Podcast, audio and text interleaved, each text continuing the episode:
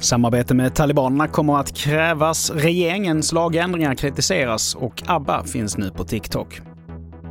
Det här är TV4-nyheterna där vi börjar med att berätta att Sveriges utrikesminister Ann Linde säger nu på morgonen att UD arbetar för att evakuera de mellan 150 och 200 svenskar som man tror är i Afghanistan.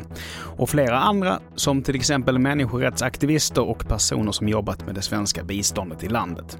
Men det kommer att kräva ett samarbete med talibanerna för att fungera. Man kan ju på inget sätt ha något erkännande av talibanerna, man kan inte ha några politiska dialoger. Men om vi ska få ut människorna så måste man ha eh, samtal för att få de här tillstånden och så vidare. Och till exempel så kan vi göra det via EU eller under evakuering nu var det ju mycket via till exempel amerikanarna. Det här sa alltså utrikesminister Ann Linde och mer om detta kan du hitta på tv4.se.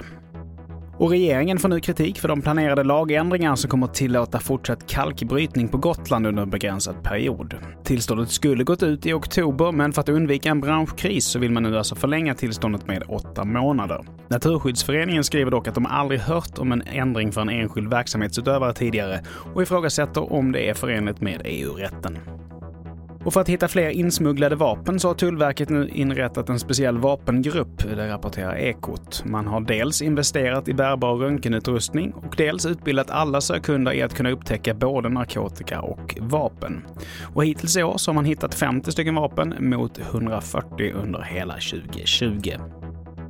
Och till sist så har väl ingen missat att ABBA släppte två låtar i veckan och redan dagen efter så låg de på första respektive tredje plats på Youtubes topplista i 12 europeiska länder. Och nu finns även hela bandets katalog tillgänglig på TikTok. Det var det senaste från TV4 Nyheterna. Jag heter Mattias Nordgren.